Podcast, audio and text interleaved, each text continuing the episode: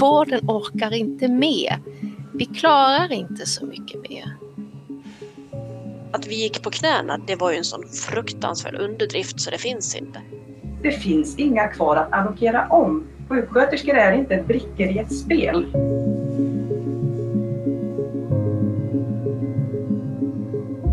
Sedan våren 2020, när pandemin bröt ut i Sverige, har vårdpersonalen ställts inför stora prövningar. Det gäller inte bara de som vårdat svårt sjuka covidpatienter på intensivvårdsavdelningar runt om i landet. Coronapandemin har påverkat alla som jobbar inom vården. För många professioner har den inneburit enorma påfrestningar och skapat helt nya utmaningar. Men vilka konsekvenser har det här fått för personalen? Vilka etiska dilemman har de ställts inför? Hur har de prioriterat under omöjliga förutsättningar? Och hur har de hanterat den etiska stress de utsatts för? Vårdförbundets alla medlemmar bär på tusentals berättelser om det gångna året. Här är fem av dem.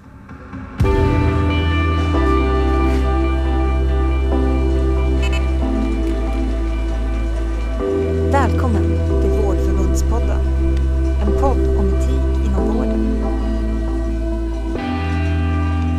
Cecilia Jakobsson är specialistsjuksköterska inom onkologi på Norrlands universitetssjukhus i Umeå. Hon har arbetat med att utreda och behandla olika tumörsjukdomar i 20 år. Under pandemin har Cecilias avdelning vårdat en del covidsjuka cancerpatienter. Men de har också fungerat som en avlastningsavdelning för andra avdelningar, vilket har inneburit svåra prioriteringar bland de egna patienterna. Och då blir det så här, okej, okay, vem är friskast så att säga? Och då har vi fått prioritera mellan våra team. Vilka patienter kan vi från hematologsektionen flytta över på onkologsektionen? Så hela tiden måste både läkarna varje morgon prioritera vilka patienter kan flyttas inom kliniken och utanför kliniken. Vilka kan helt enkelt gå hem fast de egentligen inte borde gå just riktigt än, kanske några dagar till.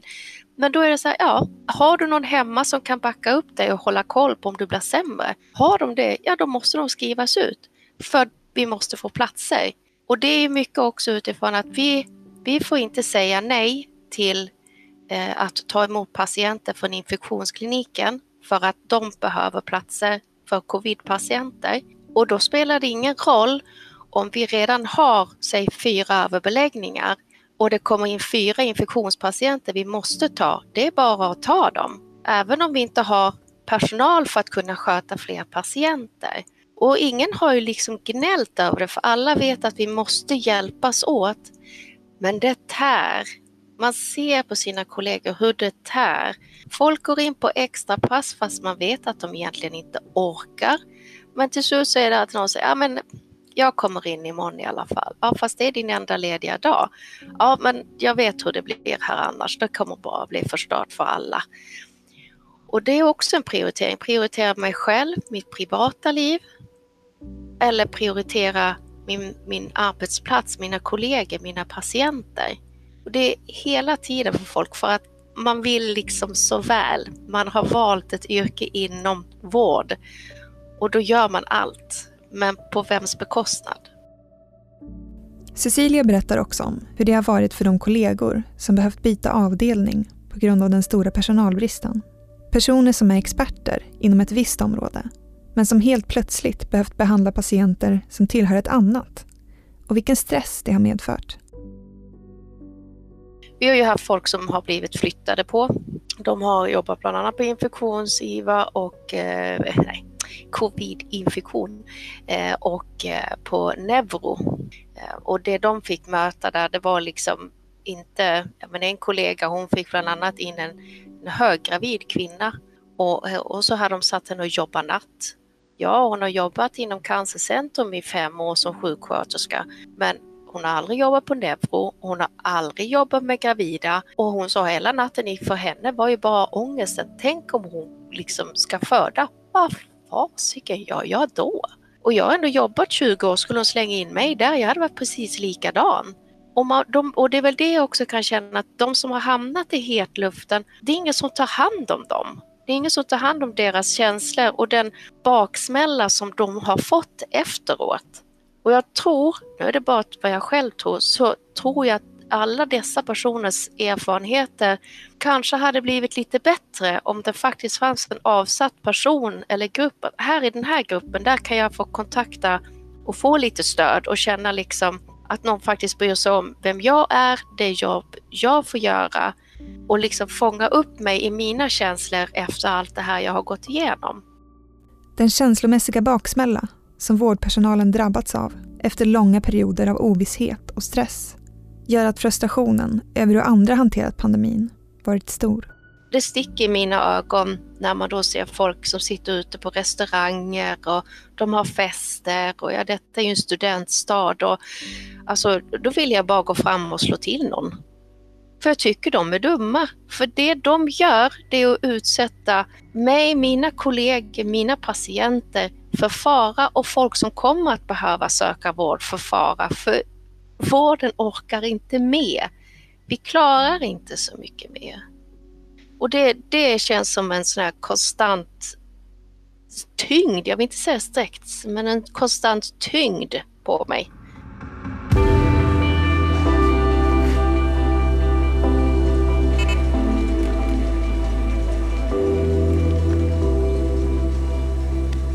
Tina Dahlman jobbar som biomedicinsk analytiker i Dalarna. Hon är också huvudskyddsombud i regionen. Som biomedicinsk analytiker har hon ingen patientkontakt. Trots det tillhör Tina och hennes kollegor en av de professioner som påverkats allra mest av pandemin. De tillhandahåller det som alla andra vårdprofessioner har varit beroende av. Provsvaren. Jag har väl eh, främst kanske känt en maktlöshet gentemot eh, mina kollegor och på vilket sätt det har ställts så oerhört höga krav på oss eh, som vi egentligen aldrig haft kapacitet att kunna leva upp till.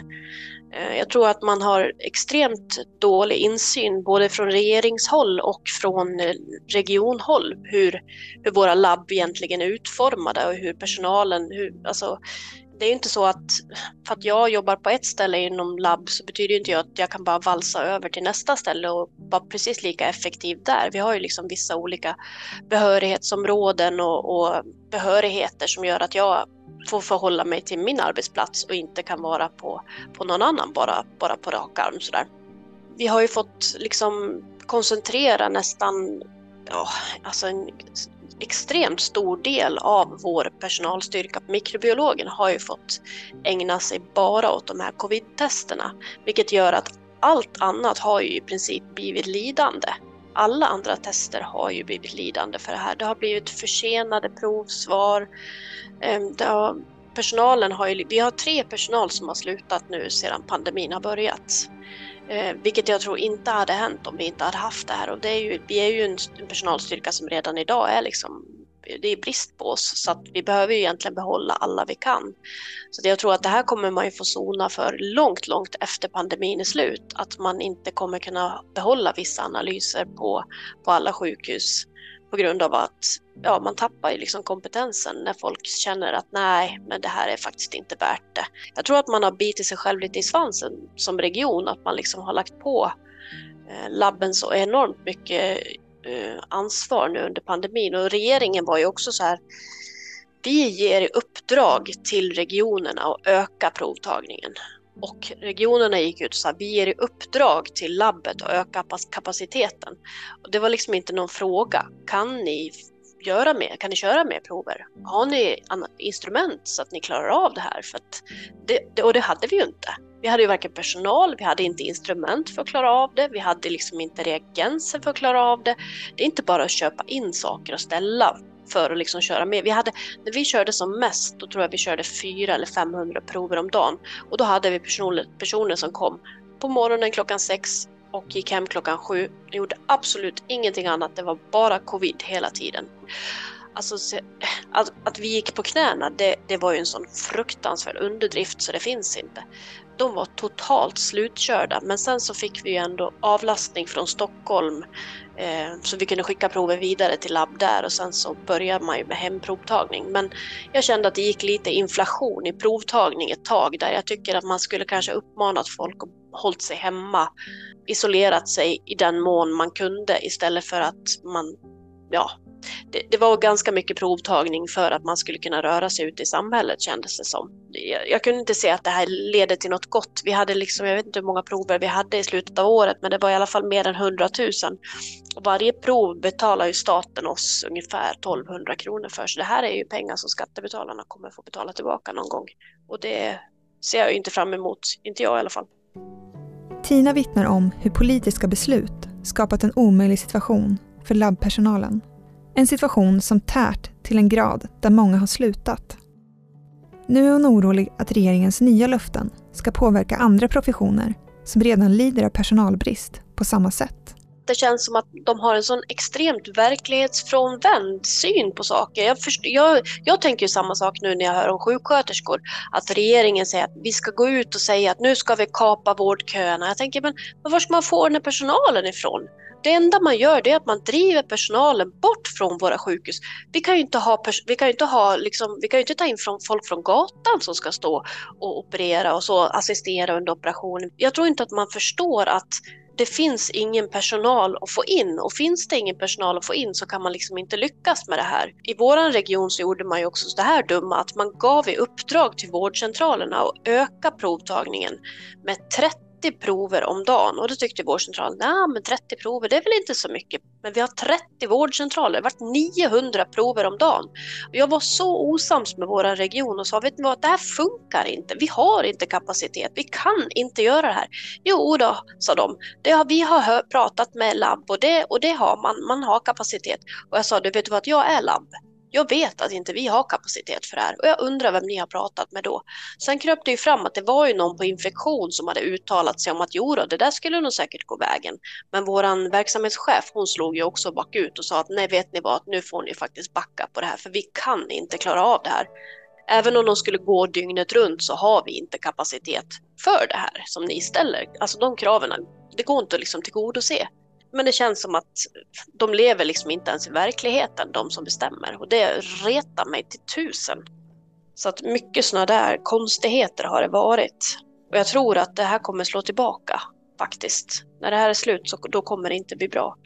Eh, och jag tror att man liksom når någon form av händelsehorisont där man känner att där det, där det blir så att, att det går inte att få tillbaka det som varit innan. Så att jag vill nog att den här pandemin ska vara slut väldigt snart.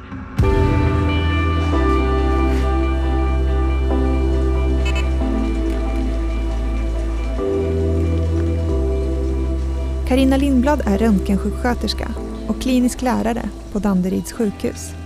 Hon berättar om hur nya coronarutiner påverkade arbetsbelastningen på avdelningen. Det här i början så blev det ju väldigt annorlunda för vår del gällande patienterna då i eh, våg 1. Vi fick ju enormt mycket akuta undersökningar. Det blev ju lite så att alla patienter som kom via akutmottagningen skulle göra eh, datortomografi över thorax. Det Karina beskriver är en slags skiktröntgen av bröstkorgen som ger detaljerade tvärsnittsbilder av bland annat lungor och luftrör. Vi upptäckte jättemycket de här specifika covidförändringarna då, även om inte patienterna hade sökt för covid-symptom så att säga. Så det blev en enorm belastning för personalen just under eh, jourtid då som vi säger, kvällar, helger och även dagar. Medan just de här bemanningen på eh, de undersökningsrum eller labb som vi säger dagtid, det, där gick det ner då, då enormt mycket. Även Karinas kollegor flyttades tillfälligt till andra avdelningar som behövde förstärkning. Trots att de egentligen inte hade rätt kompetens. Vi fick ju låna ut lite, några medarbetare till, eh, till intensiven här på Danderyd. Men sen så fick de ju återkoppling till sin chef här då att de mådde ju inte bra och att det blev en väldigt annorlunda arbetssituation. Och ur chefens perspektiv då när de in, hon inte hade koll på hur, hur arbetsmiljön var till 100 procent, då blev det väldigt ansträngt. I, I något fall så var det så att man fick ta den personen tillbaks till röntgen för det fungerade inte riktigt.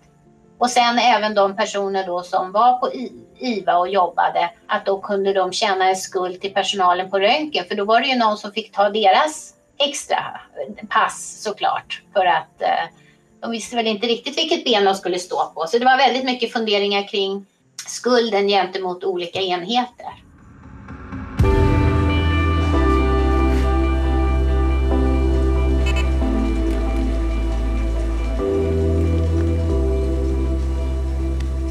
Kikki Olausson jobbar som vårdchef för avdelningar och mottagningar inom kirurgi, urologi och ortopedi på Danderyds sjukhus.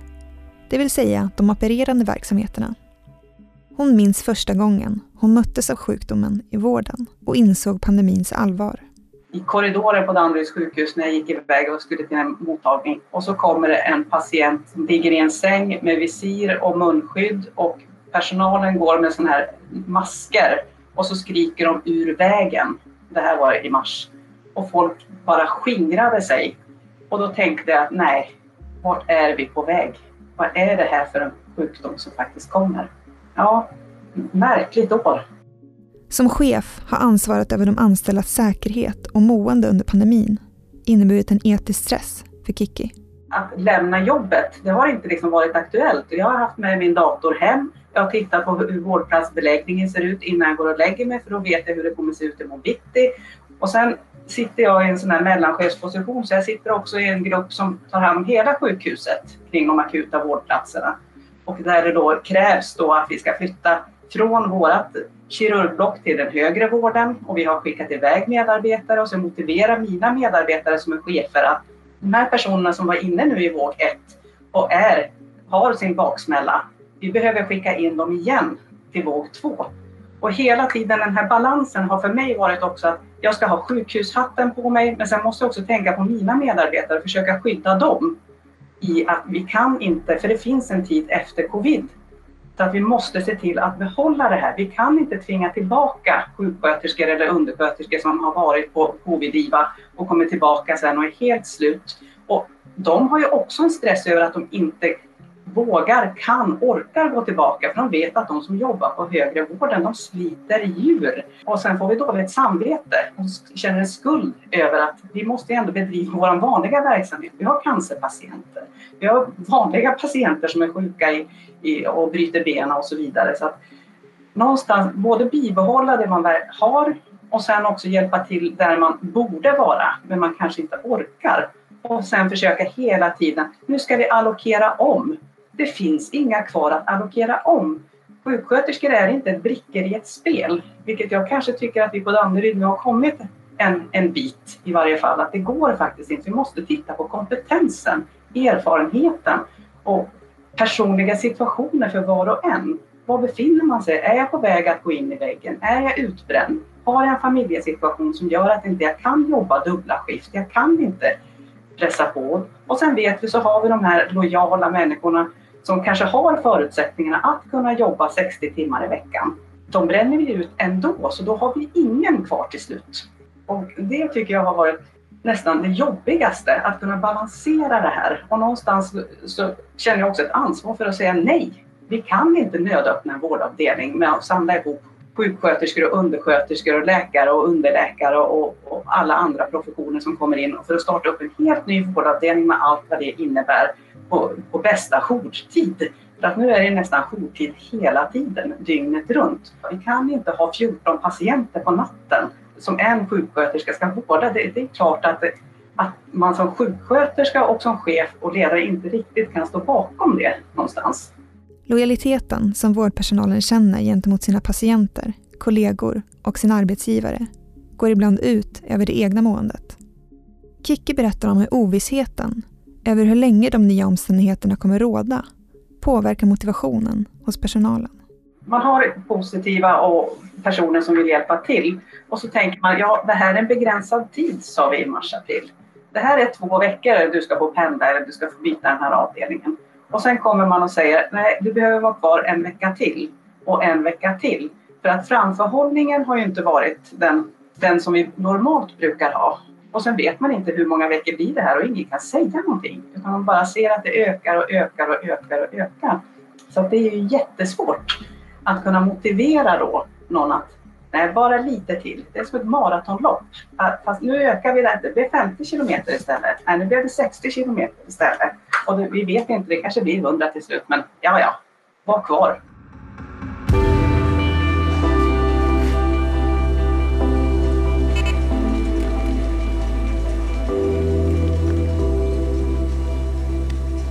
Malin Bergander har arbetat som barnmorska i över 20 år. Hon jobbar natt på förlossningen på Salgrenska universitetssjukhuset och har under pandemin varit placerad på den avdelning som tagit hand om födande som har eller misstänks ha covid. Malin berättar om den etiska stress som präglat förlossningsvården och vilka konsekvenser det har haft för personalen. I förlossningsvården känner jag kanske inte att vi har behövt prioritera medicinskt utan där har vi ju liksom, det är en akutsjukvård där vi bara måste jobba på oavsett covid eller inte. Men det vi har sett är ju att man har fått göra medicinska prioriteringar på kvinnohälsan överhuvudtaget. Vi har fått ställa in operationer, den kön växer. Där blir det ju en etisk stress eh, för vi vet vad det kan betyda för de kvinnorna som får stå och vänta nu då jättelänge på sina operationer. Och sen det här med anhöriga har ju varit klart att vi inte har kunnat prioritera anhörig till framförallt de kvinnorna som föder barn då. De har kunnat vara med under själva förlossningen men sen inte kunnat vara med på eftervården. Det har ju varit jättetufft både för anhöriga och för personalen och för de konflikterna som det har gett kan man säga. För det är ju så att många har ju svårt att förstå och helt förståeligt skulle jag vilja säga att jag måste lämna min, min fru som precis har fött vårt gemensamma barn och gå hem och jag får inte vara kvar här. Det har ju varit oerhört eh, känslosamt och konfliktfyllt samtidigt, både för personal och anhöriga. Det har varit jättetufft. Precis som Kikki lyfter Malin personalens lojalitet gentemot patienterna och känslan av otillräcklighet när man inte har kapacitet att hjälpa på det sätt man vill.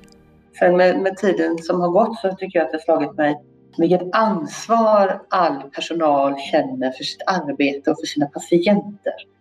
Alltså så ett oerhört ansvar, ett oerhört lojala och nu hur, hur dåligt många mår.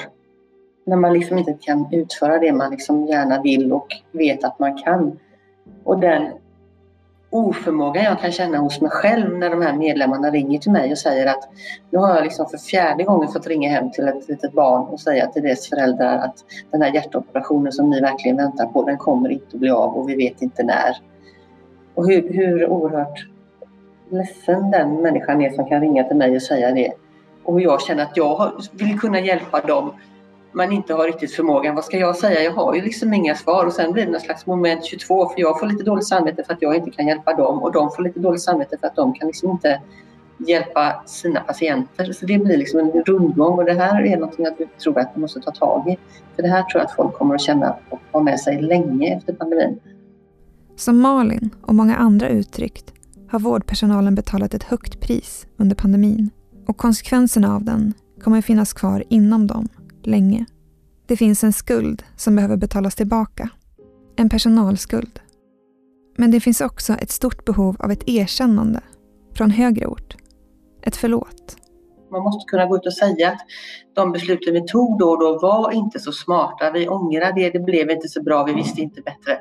Men vi ber liksom om ursäkt för vad ni har varit utsatta för. För det känner jag är ett, något som ligger starkt hos våra medarbetare och mina kollegor. Att man känner sig att man har varit liksom utlämnad till detta.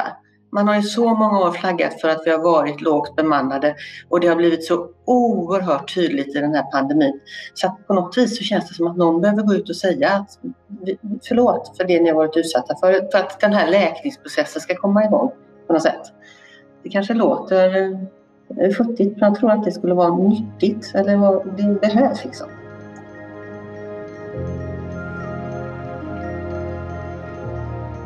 Du har hört berättelser om pandemins konsekvenser från Vårdförbundets fem professioner. Hela samtalet, Etisk reflektion i spåret av en pandemi, finns att lyssna på på Soundcloud.